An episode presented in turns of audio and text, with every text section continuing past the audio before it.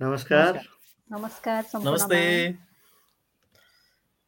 यहाँलाई स्वागत छ श्रमिक सञ्जालको यो लाइभ श्रमिक सञ्जालको लाइभ हरेक आइतबार र बुधबार आउने गर्छ आज पनि आइसकेका छौँ श्रमिक सञ्जाल प्रदेशमा रहने नेपाली श्रमिक साथीहरूको एउटा सञ्जाल हो नेटवर्क हो जहाँनिर हामी प्रदेशमा विभिन्न देशहरूमा रहेर श्रम गरिरहेका छौँ र हामी सबैजना नेपालबाट हौँ र हाम्रो सपना एक दिन हाम्रो आफ्ना सपनाहरू पुरा गरेर आफ्नै देश फर्किनेछ भन्न खोजेको हामी त्यस्तो देशमा छौँ जुन देशमा हामी यहीँ सधैँ बस्दैनौँ त्यसैले हामीले आफ्नो केयर गर्नुपर्छ र आफ्नाको पनि।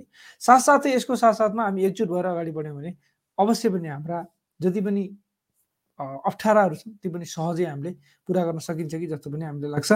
यसै क्रममा श्रमिक सञ्जालले प्रदेशमा रहने नेपाली साथीहरूका लागि तयार गरेको हाम्रै लागि तयार गरेको यो लाइभ हो। जहाँनिर हामी दुःख सुखका कुराकानीहरू पनि गर्छौँ। त्योभन्दा पहिला अपडेट्सहरू दिन्छौँ के छ? कस्तो छ? हामी कसैलाई भेट्नु दियो के छ खबर? भन्छौँ नि। त्यस्तै के छ खबर? भन्दाखेरि यही छ खबर। भनेर हामी यहाँनिर अलिकति दिने गर्छौँ। खबर भन्दा त्यस्तो ठ्याक्कै खबर जस्तो त होइन किनभने हामी पत्रकार होइनौँ। हुन त हाम्रो हरिसर पत्रकार हुनुहुन्छ यहाँ मध्ये हाम्रो टिममा।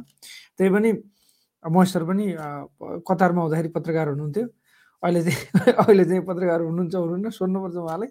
तर जे होस् खैर भन्न खोजेको कुरा हामी जस्तो जे भयो भने पत्रकार जसरी त्यसरी तपाईँहरूले सोध्नु पनि नसोध्नुहोस् तपाईँ हामी एउटै श्रमिक हौँ र हामी जसरी सँगै भेट हुँदाखेरि चिया खाँदै गर्दा चिया पिउँदै गर्दा भनौँ चिया पिउँदै गर्दा के छ के भयो यस्तो भएर नि उस्तो भएर नि भनेर जसरी हामी भन्ने गर्छौँ हाम्रो ठाउँहरूमा त्यसै गरी यहाँनिर अलिकति सोसियल मिडियाको थ्रुबाट हामी भन्छौँ त्यति हो र तपाईँ कहीँ बसेर सुनिरहनु भएको छ जहाँ बसेर जस्तो अवस्थामा सुनिरहनु भएको छ थ्याङ्क यू सो मच एकजना साथीले त सुरुमा कमेन्ट पनि गर्नुभएको थियो हाम्रो साथी सन्तोष सुब्रेती उहाँ ड्युटीबाट घर फर्किनु भयो र अहिले सुतेर आरामसित हामीलाई हेर्दै हुनुहुन्छ।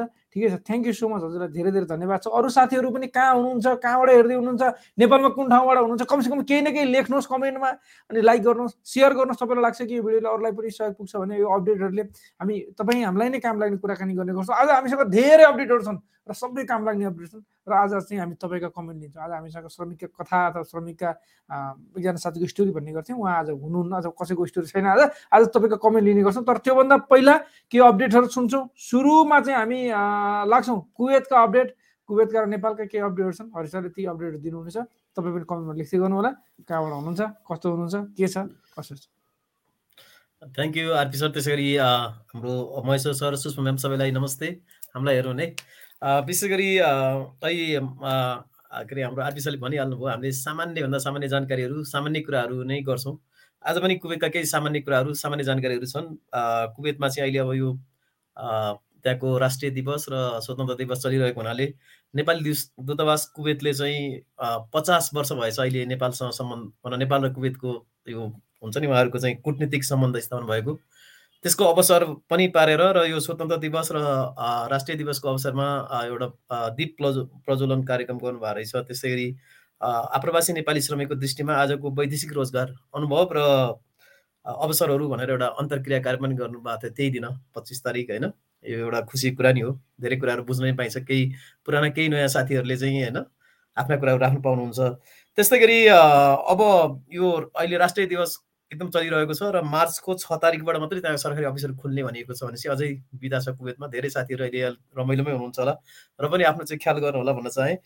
र एउटा जानकारी के आएको छ भने कुवेतको राष्ट्रिय दिवस र स्वतन्त्र दिवसको अवसर पारेर जुन ओमनको जेबेल साम्स हिमालमा चाहिँ त्यो चाहिँ तिन हजार अठाइस मिटर अग्लो हिमालमा चाहिँ दुई हजार सात सय बयालिस स्क्वायर मिटरको चाहिँ झन्डा बनाएर कुवेतले चाहिँ विश्वमा सबभन्दा ठुलो झन्डाको कृतिमानी कायम गरेको भनेर संसारहरू जताततै आएका छन्। सबैले कुवेतलाई बधाई पनि दिएका छन् होइन? त्यस्तै गरी यो जुन पच्चिस बाइस फेब्रुअरीदेखि पाँच मार्चसम्म यो बिदाको समयमा चाहिँ कुवेतमा दुई हजार पाँच सय पाँचवटा उडानबाट दुई लाख पैँसठी हजार यात्रुहरूले यात्रा गर्ने भनेको छ। धेरै मान्छे आउने जानेको भिडभाड भइरहेछ भने ल्यान्ड जुन ल्यान्ड बोर्डरलाई पनि चौबिस घन्टै खोलाएको छ कुवेतले। विशेष गरी साउदी अरबबाट आउने जाने क्रमहरू एकदमै छ चौबिस घन्टै खुलाइएको छ र पनि स्वास्थ्य मापदण्डलाई चाहिँ एकदम हाइली प्रायोरिटीमा राखिएको भनेर भनिएको छ होइन? त्यस्तै गरी एउटा जहाँ सानो जानकारी छ हुन त यो यहाँ सेयर नगर्दा नै हुन्थ्यो। चार हजार लिटर चाहिँ डिजेल चोरी गरेको आरोपमा दुईजना पाकिस्तानी यो ट्याङ्कर चालकहरूलाई पक्राउ गरिएको छ भनेको छ। जस्तो विशेष गरी धेरैजना नेपाली दा हाम्रो दाजुभाइ दिदी दा दाजुभाइहरू चाहिँ दिदी पनि त हुनुहुन्न। दाजुभाइहरू चाहिँ अब ट्याङ्करहरू चलाउनुहुन्छ ठुल्ठुला सामान होइन सवारी चादनहरू विशेष गरी Saudi Arab Qatar Kuwait UAE Oman जताततै हुनुहुन्छ। उहाँहरूलाई मैले यसो जानकारीको लागि ल्याएँ। अहिले हरेक कुराहरूलाई एकदम सुपरभिजन गरिएको छ सिसी क्यामेराहरू लगाइएको छ होइन। जतिखेर पनि गलत काम गर्दाखेरि पक्रा पर्न सकिन्छ भन्ने कुरा हो। त्यस्तै अर्को चाहिँ एउटा के जानकारी छ भने यो कुवेतको आन्तरिक कुराको गलत जानकारी र न्यायालयको मानहानि हुने गरी ट्विट गर्ने दुईजनालाई पाँच वर्ष र दस वर्ष सजाय सुनाइएको छ। यहाँ मैले किन सेयर गरेँ भने कुनै पनि जानकारीहरू अथोराइट नहुँदाखेरि त्यसलाई सेयर गर्दाखेरि धेरै असरहरू पर्न सक्छन्। सामाजिक सञ्जाल भन्दैमा सबै कुराहरू पोस्ट नगरौँ अरूको मानहानिका कुराहरू पनि नराखौँ। अझ नेपालमा त अहिले भनिसकेको छ अर्काको अनुमति बिना फोटो भिडियोहरू अपलोड गरेमा त्यसमा मुद्दा पनि लाग्छ। त्यस गरी हरेक ठाउँमा आफ्नो नियम हुन्छ त्यसलाई चाहिँ अलिकति भेरिफाई गरेर मात्रै जानकारीहरू सेयर गरौँ। भन्न चाहेँ यो चाहिँ दुईजना कुवेती नागरिकलाई नै ट्विट गरेको भरमा उहाँहरूलाई पाँच वर्ष र दस वर्ष सजाय भएको छ। अरू आप्रवासीहरूलाई पनि त्यस्तो धेरै समस्याहरू परिरहेको हुन्छन् बेला बेलामा त्यस कारण यसमा ख्याल गर्नु होला। त्यस्तै गरी सालमियामा भएको यो ट्राफिक सुरक्षा चेक जाँचमा चाहिँ तिन सय सत्तरीवटा सवारी साधनको नियम उल्लङ्घन गर्नेहरूलाई समातिएको छ। केही ड्राइभिङ लाइसेन्स बिना पनि चलाइरहेको भन्ने कुराहरू आएका छन्। ओभर स्पिडका कुराहरू छन् होइन? यस्ता कुराहरूमा एकदमै ख्याल गर्नुपर्ने हुन्छ। त्यस्तै अर्को चाहिँ जस्तो घरेलु कामदारको भिसामा डेलिभरी काम गर्न पाइँदैन पहिलो कुरो। उहाँले डेलिभरी काम पनि गर्नुभएको रहेछ र त्यो डेलिभरी गर्दा गर्दै पनि सामानहरू डेलिभरी गर्दा गर्दै पनि त्यसमा घरेलु मदिरा बिक्री गरेको अभियोगमा चाहिँ एकजना आप्रवासीलाई फोटोसहित समातिएको छ। फोटोसहित उहाँलाई डिपार्ट डिपोर्ट गर्ने भनेको छ। हामीले अघि नै भन्यौँ होइन? कुनै पनि देशमा बस्दाखेरि त्यहाँको देशको नियम कानुनलाई चाहिँ ट्याक्क मानिएन भने एकदमै समस्या हुनसक्छ। पक्राउ परेपछि उहाँलाई डिपोर्ट गरिन्छ। धेरै नेपालीहरू पनि रिपोर्टमा पर्नु भएको छ जस्तो दुई हप्ता अगाडि मात्रै करिब चौवालिसजना महिलाहरू आउनुभएको थियो नेपाल डिपोर्ट भएर। एकदमै दुःख लाग्छ यस्तो हुँदाखेरि। अब नेपालमा अर्को एउटा खुसीको कुरा के छ भने यो हुन त अब धेरै ठाउँमा यो के अरे अब पिसिआरलाई अलिकति होइन कुकुलो बनाइन्छ कति ठाउँमा चाहिँ यहाँ बिस्तारै हटाउने कुराहरू पनि चलिरहेछ। कुवेत पनि मास्क फ्री भइसकेको छ। र पनि नेपालबाट विदेश जान चाहने आप्रवासीहरूको लागि चाहिँ अथवा के अरे प्रवासमा जाने वैदेशिक रोजगारमा जाने श्रमिकहरूको लागि चाहिँ पिसिआर गर्दाखेरि पैसा नलाग्ने भनेर नेपाल सरकारले निर्णय गरेको छ।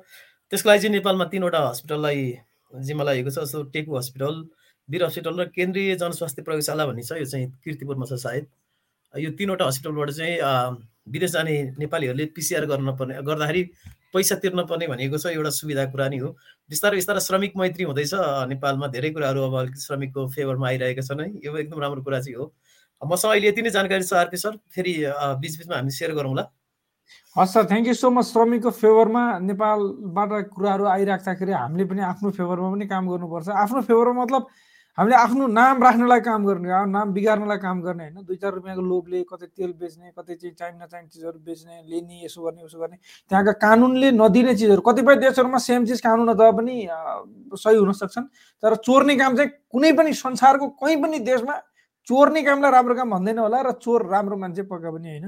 त्यसैले साना होस् या ठुला होस् त्यो भनिन्छ नि सानो चोर पनि चोरै हो ठुलो चोर पनि चोरै यसो पायो यति त नि छ भनेर यसो लोभी नगरौँ लोभी आत्मा कहिले पनि नभनौँ किनभने लोभले मान्छेलाई फसाउँछ र प्रगति गर्न दिँदैन। किनभने लोभीले त थोरै अलिकति पायो भने मगन्ते हुन्छ क्या त्यो लोभीवाला मान्छे। प्रगतिवाला मान्छे भनेको आफै स्किल सिक्ने आफै अलिकति डेभलप हुने आफैले आफ्नो भ्यालु बढाउने हो। त्यो कारणले त्यतातिर चाहिँ हाम्रो फोकस गर्नुपर्छ त्यसैले केही सिकौँ सिकाउँ र जानौँ।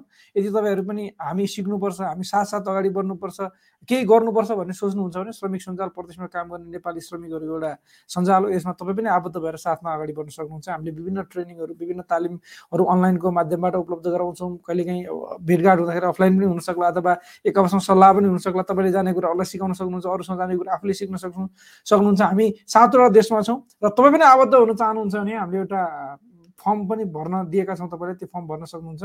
अथवा हाम्रो इनबक्समा तपाईँले मेसेज पठाउनु भयो भने तपाईँलाई हामी त्यो फर्म उपलब्ध गराउनेछौँ। तपाईँले फर्म भरेर हामीसँग आबद्धता जनाउन सक्नुहुन्छ र हामी साथसाथमा हातमा गएर अगाडि बढ्न सक्छौँ। अब चाहिँ हामी युएतिर लाग्छौँ। युएको अपडेटहरू सूचना दिनुहुनेछ। त्यसपछि कतारका अपडेट छन्। त्यसपछि तपाईँको कमेन्टहरू हुनेछ।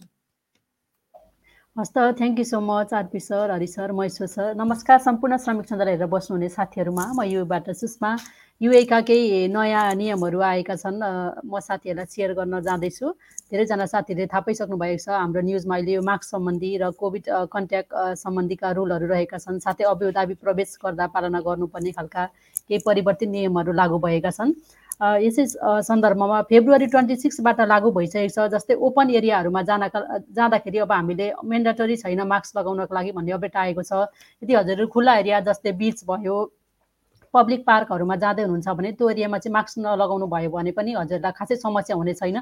तर अप्सनल यदि हजुरले लगाउन चाहनुहुन्छ भने त्यसमा खासै समस्या हुने छैन। तर यसमा अलिकति कन्फ्युजन नहुनु होला यसमा धेरै साथीहरूबाट चाहिँ के सुनिएको थियो भने धेरैले चाहिँ युएमा अब मास्क नलगाउनु पर्ने भनेका एउटा अफवा टाइपको पनि न्युजहरू फैलिरहेकोले गर्दा यो यसमा चाहिँ अलिकति क्लियर हुनु होला इन्डोर भेन्युज भनिएको छ। इन्डोर भेन्युजमा भने फेरि मास्क मेन्डेटोरी नै गरिएको छ जस्तै सपिङ मल भयो मलहरू भयो होटलहरू यस्ता विभिन्न इन्डोरहरूमा जाँदाखेरि भने हामीले पहिले जस्तै नै रेगुलर रूपमा मास्क लगाउनु पर्ने हुन्छ। खुल्ला एरियामा पहिले पनि यसरी खुल्ला एरियामा जाँदाखेरि भने मास्कलाई छुट दिएको थियो। यसै गरी अहिले पनि अलिकति छुट भएको छ भन्ने तरिकाले हजुरले लिन सक्नुहुनेछ। साथै क्लोज कन्ट्याक्टमा रहनु भएको कोही व्यक्तिलाई कोभिड सङ्क्रमण भएको छ र उहाँहरूको क्लोज कन्ट्याक्टमा हुनुहुन्छ भने अब यदि हजुरलाई त्यो अवधिमा सिम्टम नदेखिएमा क्वारेन्टाइन नबस्नुपर्ने नियम पनि लागू भएको छ। योभन्दा अगाडि चाहिँ हामी कोही सङ्क्रमित व्यक्तिको क्लोज कन्ट्याक्टमा थियौँ भने दस दिनसम्म हामीले सिम्टम भए तापनि नभए तापनि कोभिड क्वारेन्टाइनमा बस्नै पर्ने थियो भने अबदेखि यदि सिम्टम नदेखिएमा चाहिँ हामीले क्वारेन्टाइन बस्नुपर्ने छैन भन्ने नियम पनि आएको छ। साथै फेब्रुअरी ट्वेन्टी एटबाट लागू हुने गरी भोलिबाट लागू हुने गरी अबुधाबी प्रवेश गर्नका लागि अल होसन एप्समा ग्रिन स्टाटस नभए तापनि हामी प्रवेश गर्न पाउनेछौँ। साथै इडी स्क्यानरको प्रयोग पनि गर्नु नपर्ने भन्ने अपडेट आएको छ। तर यदि हामी पब्लिक एरियाहरू जस्तै मल भयो सपिङ सेट सेन्टर होटलहरूमा जाँदैछौँ भने त्यहाँ चाहिँ हाम्रो अल होसन एप्समा ग्रिन स्टाटस हुनै पर्ने भन्ने पनि जानकारी आएको छ। यो कुरामा हामी सबैजना क्लियर हुनुपर्छ। साथै एकजना महिला एसियन महिलाले चाहिँ स्क्याम केस भनेको छ। फोनमा उहाँलाई कन्ट्याक्ट गरेर एकाउन्ट नम्बर अपडेट गर्ने भन्दै उहाँको पर्सनल इन्फर्मेसनहरू लिएर उहाँको अकाउन्टबाट चाहिँ चालिस हजार युए दिराम चोरी भएको भन्ने अपडेट आएको छ। यस्तो कारणले हामीमा विभिन्न यस्ता फ्रड केसहरूका मेसेजहरू आइरहने हुन्छन्। योबाट हामी एकदमै अवेर हुनुपर्छ। यति नै अपडेटहरू रहेका छन् आरपी सर। हामी बिचमा केही कमेन्टहरूमा क्वेसन एन्सरहरू लिँदै अघि बढ्नेछौँ। हस् त थ्याङ्क यू सो मच। हस् थ्याङ्क यू सो मच तपाईँलाई। यहाँ पनि फेरि त्यस्तै कुरा आयो। कहिले काहीँ चाहिँ जानी जानी चोरी त आफै जानी जानी गरिन्छ तर यस्ता चिजहरू अवेर नभएर अथवा हामीलाई जानकारी नभएर गर्न सकिन्छ। कसैले तपाईँलाई ब्याङ्कको बारेमा डिटेल माग्यो भने कसैलाई नदिनु होला। ब्याङ्क नम्बर ब्याङ्कको अकाउन्ट नम्बर मात्रै कसैले थाहा पाउँदैमा तपाईँको ब्याङ्कै लुटिहाल्छ भन्ने चाहिँ डेफिनेटली हुँदैन। तर त्यो पनि सकभर नजा नचाहिने अथवा नचिनेको मान्छेहरूलाई कसैले माग्दैमा पठाइदिनुपर्छ भन्ने छैन। तपाईँ कुनै पर्पजको लागि मात्रै हो भने ब्याङ्क अकाउन्ट नम्बर मात्रै नर्मल्ली र अरू भनेको तपाईँलाई जसले फोन पिन नम्बर भन्ने हुन्छ जुन नर्मल्ली मोबाइलमा आउँछ त्यसलाई ओटिपी भन्छ वान टाइम पासवर्ड जसको भ्यालिडिटी जुन जसको समय एक मिनट दुई मिनटमा त्यो एक्सपायर हुने हुन्छ। र तपाईँलाई कसैले भन्छ कि तपाईँको मोबाइलमा एउटा ओटिपी आउँदैछ जुनसुकै टाइपको जुनसुकै टाइपको तपाईँको मोबाइलमा एउटा ओटिपी आउँदैछ। त्यो ओटिपी चाहिँ मलाई दिनु होला। म ब्याङ्कबाट फोन गरेको भनेर भन्यो भने सोच्नुहोस् अब तपाईँको पैसा गायब हुनेवाला छ त्यसैले त्यस्तो अवस्थाहरूमा कसैलाई नदिनु होला। र तपाईँको कार्ड चेन्ज गरिदिन्छु या कार्डमा ब्याङ्कबाट बोलेको तपाईँको कार्ड एक्सपायर हुन लगायो तपाईँले युज गर्न पाउनु हुन लगायो त्यस्ता यस्ता धेरै चिजहरू भन्न सक्छन्। ब्याङ्कले कहिले पनि त्यस्तो भन्दैन र तपाईँलाई पासवर्ड पनि सोध्दैन पिनकोड पनि सोध्दैन केही पनि सोध्दैन। कतिपय आफ्नै तरिकाले काम गर्छन्। त्यस्ता घटनाहरू धेरै छन्। अरू पनि फोन स्क्यामका कुराहरू पनि हामीले गर्छौँ। जब स्क्याम जब फ्रड का कुराहरू पनि हुन्छन् त्यसरी पनि पैसा लिइरहेका छन्। हामी तपाईँलाई कसैलाई त्यस्तो परेको छैन कमेन्टमा लेख्नु र कुराकानी गरौँ अब चाहिँ कतारका जानकारीतिर जान्छौँ। हाम्रो मैसो सर हुनुहुन्छ कतारका जानकारीका साथमा। नमस्कार। पुनः एकपटक स्वागत छ। श्रमिक सञ्जालको यो दुई सय सडसठीौँ श्रृङ्खलामा। यसअघि तपाईँलाई युए र कुवेतका अपडेटहरू हाम्रा सहकर्मी साथीहरू हरिकृष्ण नेउपाने र सुषमा म्याडमले दिइसक्नु भएको छ। कतारमा पर्सि सो मङ्गलबार चाहिँ नेपाली राजदूतावास बन्द छ। शिवरात्रिको अवसरमा दूतावास बन्द हुने भएको हो। तपाईँहरू विशेष कामले दूतावास जाँदै हुनुहुन्छ भने मङ्गलबार नजानु होला। मङ्गलबार दूतावास बन्द छ। दूतावासले चाहिँ एउटा सूचनै जारी गरेर यसबारे जानकारी गराएको छ। अर्को कतारमा केही दिन यतादेखि चाहिँ त्यहाँको आन्तरिक मन्त्रालयले अलिकति चासो देखाएको छ। त्यहाँ चाहिँ अलिकति त्यो कानुन उल्लङ्घनका घटनाहरू भए भनेर तपाईँ हामी विदेशमा छौँ विदेशमा काम गर्न गएका छौँ। कुनै पनि बाहनामा त्यहाँको चाहिँ कानुन अनि धर्म संस्कृतिलाई चाहिँ खलल पुग्ने कुनै पनि किसिमका गतिविधिहरू नगरिदिनु हुन हामी चाहिँ विनम्र अनुरोध गर्दछौँ। तपाईँलाई कम्पनीले तलब दिएन तपाईँले चाहिँ उजुरी गर्ने निकायहरू छन् ती निकायहरूमा गएर उजुरी दिनुहोस् दूतावासलाई भन्नुहोस् ती यहाँ मार्फत तपाईँहरूलाई आवश्यक सहयोग हुनेछ। तर कहीँ कतैबाट सहयोग मिलेन भनेको भरमा चाहिँ त्यहाँ कुनै पनि किसिमको तोडफोडहरू आवेगमा आएर कुनै पनि चाहिँ हुलदुङ्गाहरू नगर्नु होला भनेर चाहिँ अनुरोध गर्न चाहे। नेपाली समुदायले पनि यस विषयमा चाहिँ गम्भीर चासो देखाएको छ। हामी नेपालीहरू मात्र नभएर अन्य देशका साथीहरूले पनि त्यस्तो काम गर्दैछन् भने तपाईँ हामीले चाहिँ रोक्ने कोसिस गरौँ। त्यस्तो चाहिँ उसमा हामीहरू सहभागी नबनौँ भनेर चाहिँ जानकारी गराउन चाहेँ। अर्को चाहिँ अब पर्सि अठाइस तारिकबाट कतार भोलि अठाइस तारिकबाट कतारमा चाहिँ साँझ सात बजेपछि क्वारेन्टाइनमा बस्नु नपर्ने भनेर भनिएको छ। तपाईँले दुवै डोज खोप लगाउनु भएको र तपाईँलाई कोरोना तिनै डोज बुस्टर डोज पनि लगाइसक्नु भएको छ र तपाईँलाई चाहिँ कोरोना भएको नौ महिना पुगेको छैन भने तपाईँहरूले चाहिँ पिसिआर रिपोर्ट पनि नचाहिने भनेर भनिएको छ। तपाईँका सम्पूर्ण रिपोर्टहरू चाहिँ मोबाइलको यतराज एपमै हुने भएको हुनाले तपाईँहरूले चाहिँ त्यहाँ गएर चाहिँ अब होटल क्वारेन्टाइन बस्नु नपर्ने भनेर खबरहरू छन्। यो एकदमै खुसीको कुरा पनि हो। यो चाहिँ भोलि बेलुका सात बजे पछाडि जो दोहा अराइभल हुनुहुन्छ उहाँहरूको लागि हो।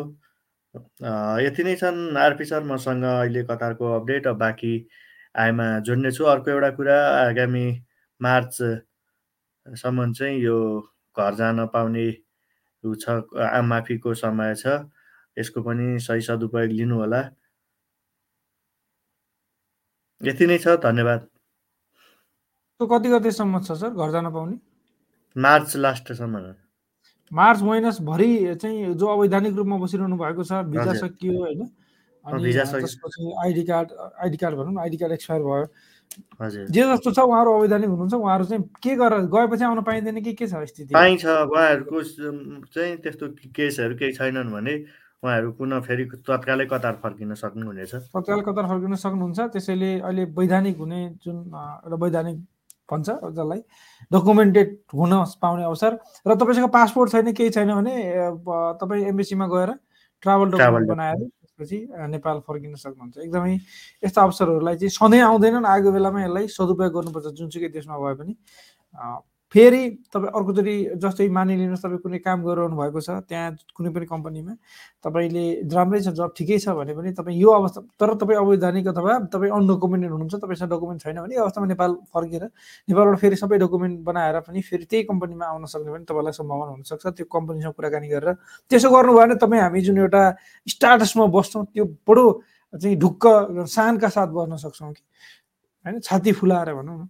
तर अब चाहिँ हामी कमेन्टहरू लिनेछौँ। धेरै साथीहरूले कमेन्ट पनि गर्नुभएको छ। आज हामी तपाईँको कमेन्ट लिन्छौँ। सुरुदेखिका कमेन्टहरूमा पहिला सुरुमा सन्तोष सुब्रतीको कमेन्ट थोरै उहाँ साथीले लेख्नुभएको कमेन्ट पनि लिएँ जो साथीले नमस्कार हेलो भन्नुभएको छ उहाँलाई हेलो नमस्कारै मात्रै भनौँ। उहाँको नाम त के अरे म्याडम? अब त हजुरलाई पनि आइसक्यो होला सर ट्राई गर्नु म त आएर होइन याद गेस मात्रै गर्ने। उहाँको फोटो हेर्ने साइडमा अनि हस् धन्यवाद छ हजुरलाई पनि।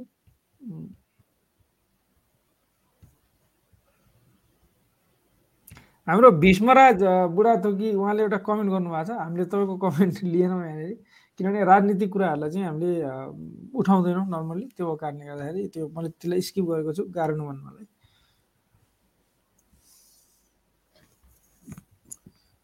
धर्मराज खड्काजीले रात्रिकालीन नमस्कार है। सबै सर म्यामहरूलाई हाल म कुवेतबाट हेर्दैछु भन्नुभएको छ। साथै विनोद चापागाईजीले युएबाट नेपाल जानको लागि पछिल्लो केही नियम भए जानकारी पाउन भन्नुभएको छ। त्यस्तो खासै अहिले परिवर्तित नेपाल जानको लागि त नयाँ नियमहरू लागू भएको छैन। छैन। तर नेपालको तर्फबाट केही छन् भने अपडेट गर्नु होला आरपी सर। नेपालको तर्फबाट केही छ? यताबाट फर्किने श्रमिक साथीहरूको लागि। नेपालको कता युएबाट फर्किने नेपालको लागि? हजुर। नेपालमा छैन छैन। त्यस्तो खासै नयाँ अपडेट केही छैन। अब त्यही कतारको बरु बडो मिठो कुरा आयो पिसिआर टेस्ट पनि नचाहिने भन्ने होइन। अब यस्तो हुँदाखेरि त अब छिट्टै नै छिट्टै नै ट्राभल अझै धेरै इजी होला भन्ने कुरामा हामी विश्वास गर्न सक्छौँ। अशोक सुवेदेजीले नमस्कार सम्पूर्ण श्रमिक सञ्जाल हेरेर बस्नुहुने सम्पूर्ण श्रमिक साथीहरूलाई भन्नुभएको छ। उहाँ साउदी अरबबाट हामीलाई हेर्दै हुनुहुन्छ यसै गरी शङ्कर पङ्गेनीजीले नेपाल जाँदा अब पिसिआर चाहिन्छ कि चाहिँदैन भन्नुभएको छ।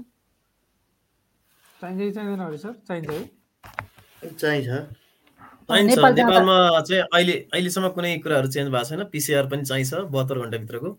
अब भ्याक्सिनेटेड नभएको मान्छेले दस दिन क्वारेन्टाइन भनेको छ होइन? होटल क्वारेन्टाइन भ्याक्सिनेटेड चाहिँ होम क्वारेन्टाइन भनेको छ तर त्यति छैन तर अब त्यो त्यही नै रुल्स हो। अब चाहिँ अब यसलाई यहाँनिर हो। भाइरस के अरे कोरोना भाइरसका सङ्क्रमित कम्ती भयो भनेर खासै रुल चाहिँ चेन्ज भएको छैन अहिले चाहिँ अब कोरोना भाइ नेपालमा बाहिर हेर्दा अब एकदम सबै नर्मल जस्तो छ। नर्मल नै भइसक्यो। सबै दुनियाँमै सायद कोभिडको कारणले नर्मल भयो। अब अरू अरू समस्याहरू त डेफिनेटली अलग अलग देशमा अलग अलग छन् नि त्यो हामीले भन्नु पर्दैन धेरै साथीहरूलाई थाहा नै छ। यसै गरी शङ्कर पङ्गिनीजीले सर म्याडम नमस्ते म अबुधाबीदेखि सर अब नेपाल जाँदा पिसिआर चाहिन्छ कि चाहिँदैन? अनि नेपालबाट आउँदा नि भन्नुभएको छ? चाहिन्छ कि अहिलेसम्म। यो अहिले त्यो कुरा हजुर पिसिआर। टेस्ट चाहिँ चाहिन्छ। हजुर जस्तै नेपालबाट आउँदै हुनुहुन्छ भने आरडिटी टेस्ट चाहिँ अहिले गर्नुपर्ने छैन। युए आउनको लागि आरडिटी टेस्ट चाहिँदैन। छ घन्टा होला। र के अरे कतारको लागि? कतारको लागि के भयो सर? तपाईँको कोरोना भ्याक्सिन लाउनु पर्यो कोरोना भाइरसको होइन? अनि नौ महिना कटाइ हुनु भएन एकजना साथीले क्वेसन सोध्नु भएको छ उहाँलाई जवाफ दिँदाखेरि सम्पूर्ण डिटेल बताउने छु। हस्।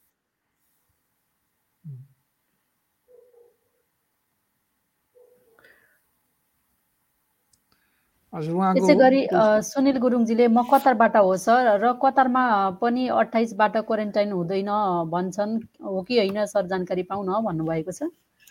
अँ, कतारमा यो बारेमा भन्नुपर्दा कतारमा चाहिँ तपाईँले मान्यता प्राप्त कतार सरकारले मान्यता प्राप्त चाहिँ खोपहरूको तिनैवटा डोजको पुरा गर्नुभएको छ र तपाईँलाई चाहिँ कोरोना भएको नौ महिना चाहिँ कोरोना सङ्क्रमण भई निको भएको चाहिँ नौ महिना नकटेको हो भने तपाईँले चाहिँ उसमा क्वारेन्टाइन पनि बस्नु पर्दैन र तपाईँले चाहिँ त्यो त्यही क्वारेन्टाइन बस्नु परेन पिसिआर पनि गर्नु परेन। तर चौबिस घन्टाभित्र चाहिँ कतार प्रवेश गरेको चौबिस घन्टाभित्र चाहिँ ऱ्यापिड एन्टिजेन टेस्ट गर्नुपर्ने छ अनि यो खोपको तपाईँले अब खोपको मात्रा चाहिँ पुरा लगाउनु भएको छैन भने चाहिँ कतार जानुभन्दा अडचाल पहिले अडचालिस घन्टा पहिलेको चाहिँ पिसिआर रिपोर्ट नेगेटिभ हुनुपर्ने छ अनि पाँच दिन चाहिँ होटल क्वारेन्टाइन बस्नुपर्ने छ होटल क्वारेन्टाइनमा बसेको चाहिँ पाँचौँ दिनमा ऱ्यापिड एन्टिजेन टेस्ट गर्नुपर्ने छ भनेर भनिएको छ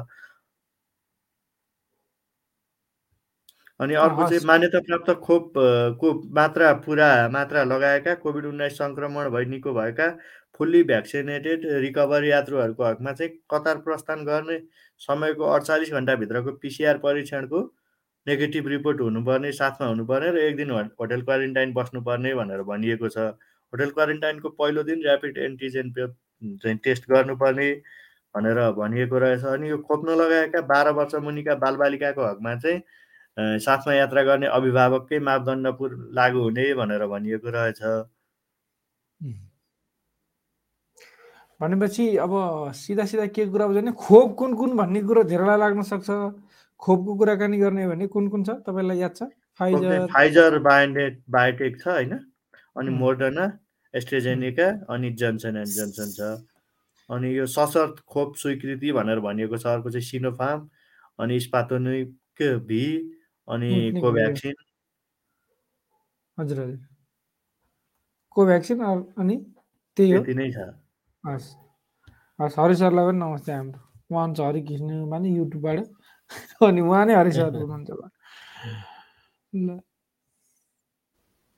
यसै गरी आदित्य आदित्यजीले नमस्ते सर म्याम सम्पूर्णमा अनि श्रमिक सञ्जाल टिमलाई म दुबई सोनापुरबाट अ, लाइभ हेर्दैछु म चाहिँ दुबई आएको सेभेन इयर्स भयो. एउटै कम्पनीमा अनि अहिले मलाई क्यान्सल गरेको छ. अब मैले अर्को कम्पनीमा काम गर्न या आफ्नो भिजा निकाल्न निकालेर दुबईमा नै केही काम गर्न के के गर्नुपर्छ होला? जानकारी गरिदिनुहोस् न। अनि मलाई भिजिट भिसा तिन मन्थको द्वारा काम गर्न सक्छु कि नै म कन्फ्युज छु किनकि कसैले पाइन्छ भन्छन् कसैले भिजिटमा पाइँदैन भनेको सुन्छु। सो प्लिज मलाई भनिदिनुहोस् न भन्नुभएको छ।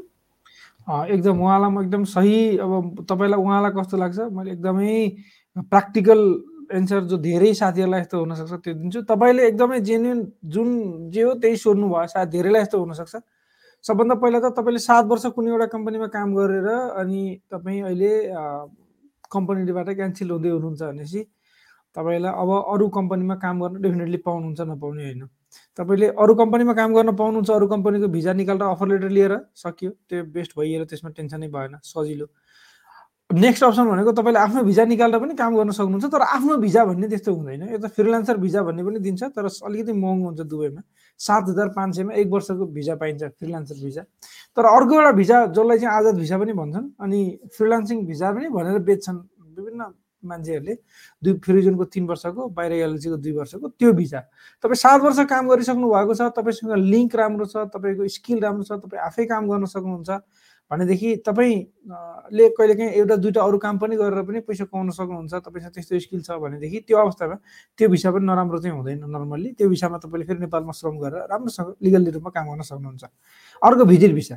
भिजिट भिसामा पनि अब तपाईँ नेपालबाट गएको नयाँ मान्छे होइन भिजिट भिसा निकालेर अलपत्र पर्छ भन्ने तपाईँलाई हुँदैन। तर के हुन्छ भने तपाईँ यस्तो मान्छेलाई भिजिटमै हुँदाहुँदै काम गर्नु अवैधानिक हो। युएमा। जस्तै तपाईँ भिजिटमा हुँदाहुँदै काम गर्नुभयो भने भिजिट भिसा निकाल्नु भयो तपाईँ बस्न त सक्नुभयो घुम्न सक्नुभयो होइन? यसो कता जाँदाखेरि फट्टाफुट्टु काम पनि गर्न सक्नुभयो। तर त्यस्तो काम सरकारले के भन्छ भने यदि तपाईँलाई काम गर्दा गर्दै पक्राउ परेको खण्डमा तिन वर्षको जेल सजाय र दस हजार दिराम जरिमाना। अर्थात् यो दुवै हुन सक्ने भनेर केही दिन पहिला नै यसलाई बनेको छ। त्योभन्दा पहिला पचास हजार थियो पछि चाहिँ दस हजार। पचास हजार पनि कम्पनीलाई थियो जसले तपाईँलाई काम लाउँछ। अहिले त जसले काम गर्छ त्यसलाई दस हजार। सायद कम्पनीलाई अझै पनि पचास हजार होला। त्यसैले भिजिट भिसामा निकालेर त्यसैमा काम चाहिँ नगर्नु होला। होइन? तर भिजिट भिसा निकालेर तपाईँ जब खोज्न सक्नुहुन्छ। जब सर्च गर्न सक्यो। जब जब भेटिन्छ तब वर्किङ भिसा इम्प्लोइमेन्ट भिसा लगाएर तपाईँले काम गर्न सक्नुहुन्छ। यसो गर्नुभयो भने सायद तपाईँलाई एकदम सजिलो हुन्छ कि? होइन? मेरो अनुभव र धेरै साथीहरूको एउटा आइडिया र तरिकाले मैले अलिकति बचाएँ सायद तपाईँलाई फिट हुन्छ होला। साधुराम श्रेष्ठजीले स्वामी साइन साइनोफार्म खोप थर्ड सकियो। अब अर्को खोप जुन कम्पनीको पनि लगाउन मिल्छ कि मिल्दैन भन्नुभएको छ। हजुरले यदि सिनोफार्म लगाइसक्नु भएको छ थर्ड डोज लगाइसक्नु भएको छ भने एकपल्ट बुझ्नु होला फाइजर लगाउन मिल्छ मिल्दैन बुझेर हजुरले गर्न सक्नुहुनेछ। साथी युट्युबबाट हुनुहुन्छ। सुनिल गुरुङजीले र यो सर के लेख्नुभएको छ वर्ल्ड कपको लागि भन्दै हुनुहुन्छ र यो कहिलेबाट स्टार्ट हुन्छ र जानकारी पाउन भन्नुभएको छ? वर्ल्ड कपको लागि भनेर कामदारहरू चाहिँ पठाउने भनेर अहिलेसम्म कुनै पनि आधिकारिक समाचारहरू आइसकेका छैनन्। यसअघि नेपालको पनि मिडियाबाट चाहिँ केही कम्पनीहरूलाई चाहिँ पत्र पठायो भनेर समाचार आएका थिए। त्यही अस्ति भर्खर चाहिँ कतारबाटै प्रकाशित हुने एउटा अरबी पत्रिकाले चाहिँ यो वर्ल्ड कपको समयमा चाहिँ कामदार पठाउने भनेर भनिएका सबै कुराहरू समाचारहरू चाहिँ हल्ला मात्रै हुन्। यसको पछि नलाग्नु हुन अनुरोध गर्दछौँ भनेर चाहिँ समाचार पनि आएको छ। अहिलेसम्म यसबारेमा केही पनि आधिकारिक कुराहरू आएका छैनन् र हल्लाको पछाडि नलागिदिनु होला।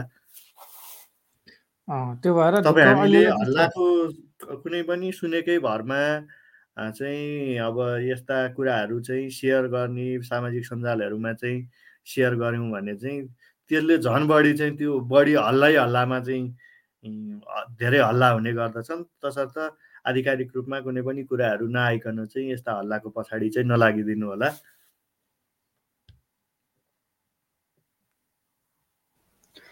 यसै गरी भक्तिराम गौतमजीले म युएबाट तर हजुरसँग कुरा गर्न के गर्नुपर्छ? भन्नुभएको छ।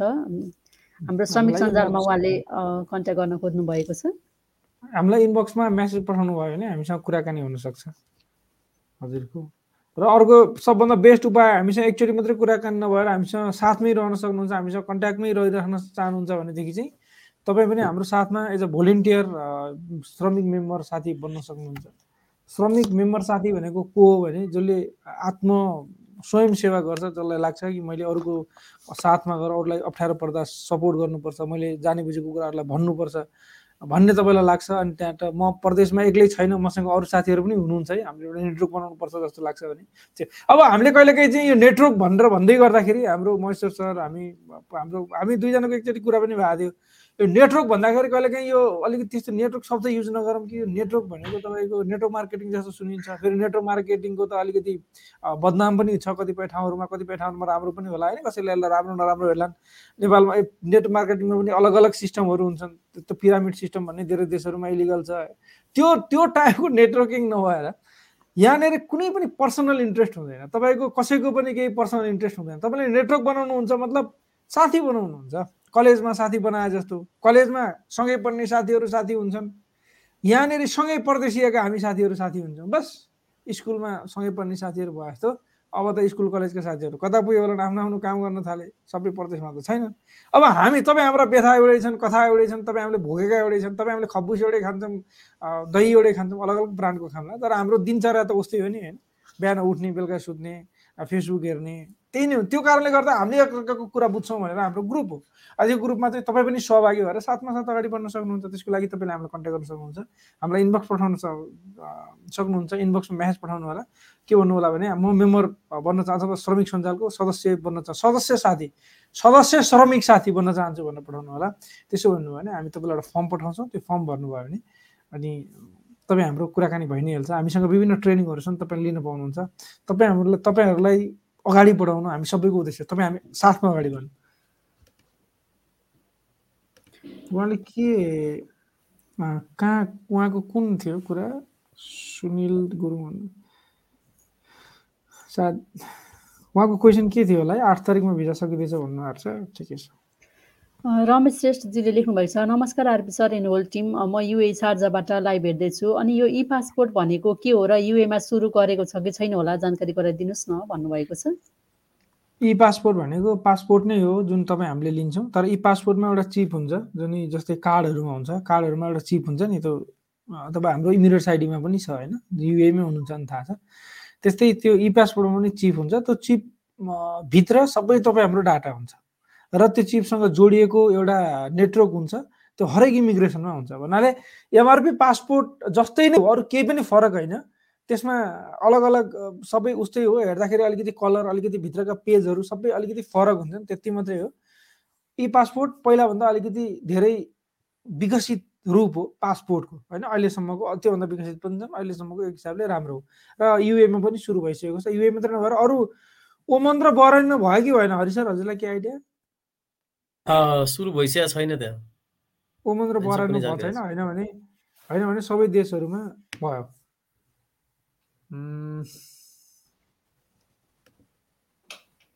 ओके अब हामी अरू कमेन्टहरू पनि लिन्छौँ है यो भयो यो भयो भयो। कर्ण मगरजीले मेरो पासपोर्टको म्याच सकिएको छ यी पासपोर्ट बनाउने भन्ने छ कति समयमा बन्छ होला? म सार्जाबाट भन्नुभएको छ।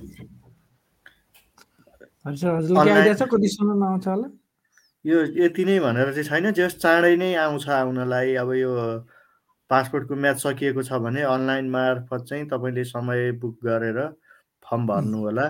अहिले चाहिँ अनलाइन मार्फतै आफ्नो समयहरू चाहिँ बुक गर्ने व्यवस्था मिलाइएको छ। तपाईँको पासपोर्टको म्याच सकिएको भए तपाईँले प्राथमिकतामा राखेर चाहिँ तपाईँको पासपोर्ट चाहिँ आउनेछ चाँडै नै। एकदमै। र किनभने अहिले फ्लाइटहरू पनि रेगुलर छन्। यो कस्तो हुन्छ भने तपाईँले फर्म भर्नुहुन्छ अनि यो प्रोसेस त्यही हो नि होइन? फर्म भर्नुहुन्छ डेट लिनुहुन्छ एम्बेसीमा जानुहुन्छ बायोमेट्रिक गर्नुहुन्छ। उहाँको बायोमेट्रिकको सबै डाटा नेपालको passport MR e passport print गर्ने ठाउँमा आउँछ। अनि नेपालमा उहाँको पासपोर्ट प्रिन्ट हुन्छ। त्यो प्रिन्ट भएर फेरि कुरियर गरेर एम्बेसीमा जान्छ होइन? जुन कन्ट्रीको त्यो एम्बेसीमा जान्छ त्यहाँबाट लिनुहुन्छ। अब यो अवस्थामा अप्ठ्यारो पर्ने भनेको कहिलेकाहीँ चाहिँ के हुन्छ भन्दा धेरै पासपोर्ट यी पासपोर्टहरू धेरै भर्नु भने अप्ठ्यारो पर्ने हो अहिले त्यो छन् जति चाहिने हुन्। र अर्को भनेको फ्लाइटहरू भएन भने जस्तै बिचमा लकडाउन भयो दिनमा एउटा दुइटा मात्रै फ्लाइट भयो अथवा इमर्जेन्सी फ्लाइट भयो भने अलि लेट हुनसक्थ्यो अहिले त फ्लाइटहरू पनि रेगुलर छन्। त्यो भएर अब चाहिँ चाँडै नै हुन्छ होला।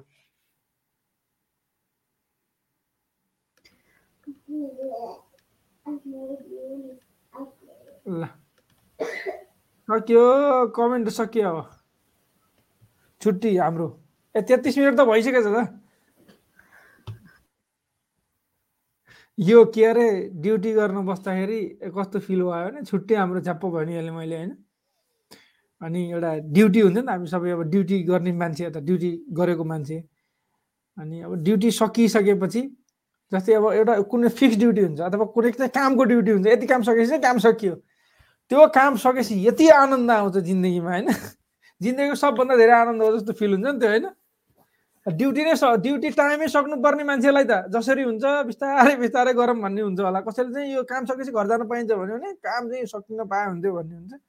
एउटा क्वेसन चाहिँ अनि अर्को एउटा कुरो नि तपाईँलाई मैले यहाँनिर जोड दिइहालेँ जस्तो ड्युटी गर्दै हुनुहुन्छ होइन? अब ड्युटी सकिन आँटो पाँच मिनट पाँच मिनट जति बाँकी छ। अनि तपाईँ पञ्च इन गर्नलाई अब पञ्च आउट गर्नलाई जाँदै हुनुहुन्छ। त्यतिखेर तपाईँले आएर अब ओभर टाइम है आज भनौँ भने। कस्तो महसुस हुन्छ भन्नुहोस् त। त्यो ओभर टाइमको त्यो हुन्छ नि त्यो दुई एक दुई घन्टा दुई घन्टा जति काम गर्नुपर्ने हुन त फेरि आधा घन्टा काम गरेपछि अलिकति कोपअप गरिएला त्यसलाई होइन? तर त्यो चाहिँ पुरै आठ घन्टाभन्दा लामो हुन्छ होइन? त्यो समय चाहिँ। यसबारेमा अहिले पछि अफलाइनमा कुराकानी मैले चाहिँ यो अलिकति जोडेको मात्रै। तपाईँको अनुभव होइन? त्यो चाहिँ म मेरो चाहिँ त्यस्तो परेन। मेरो जहाँ जहाँ काम गरेँ मेरो ओभर टाइम भन्ने कुनै पनि ठाउँमा थिएन। जहाँ जहाँ सेल्समा काम गऱ्यो हेर्नुहोस् रिटेलमा काम गर्दा आउटलेट सक्नुपर्ने अनि पसलमा काम गर्दा कस्टमर सक्नुपर्ने त्यो थियो। त्यो भएर पैँतिस मिनट पनि गइसकेको छ। नमस्कार सम्पूर्ण सहभागिताप्रति। आज हाम्रो मधुसूदन सर भर्खरै हामीसँग जोडिनु भएको छ। उहाँलाई चाहिँ शुभरात्रिको शुभकामना। धन्यवाद तपाईँलाई। जय शम्भो कैलाशपति। ल शिवरात्रिको सबैलाई शुभकामना। किनभने हामी पनि पर्सि शिवरात्रिको दिनमा त आउँदैनौँ त्यसको भोलिपल्ट आउँछौँ अब। र हामीले पर्सि एकदम हाम्रो विशेष कार्यक्रम हुन्छ। पर्सि भन्नाले अब आउने दिन चाहिँ हाम्रो बुधबार विशेष कार्यक्रम हुन्छ हेर्नु नछुटाउनु होला र साथीहरूलाई पनि भन्नु होला। हामीले एउटा विशेष टपिकमा कुराकानी गर्दैछौँ पुरै लगभग दुई महिना र त्यसमा तपाईँको पनि सहभागिता चाहन्छौँ। के हो कस्तो हो र के कुरा गर्दैछौँ भने चाहिँ त्यही दिन हामी सेयर गर्नेछौँ। आजको लागि चाहिँ हामीलाई आज्ञा दिनुहोस्। हस् त नमस्ते शुभरात्रि। जहाँ हुन्छ जस्तो हुन्छ। खुसी रहनुहोला नमस्ते। स्वस्थ रहनुहोला शुभरात्रि नमस्कार। हस् नमस्ते।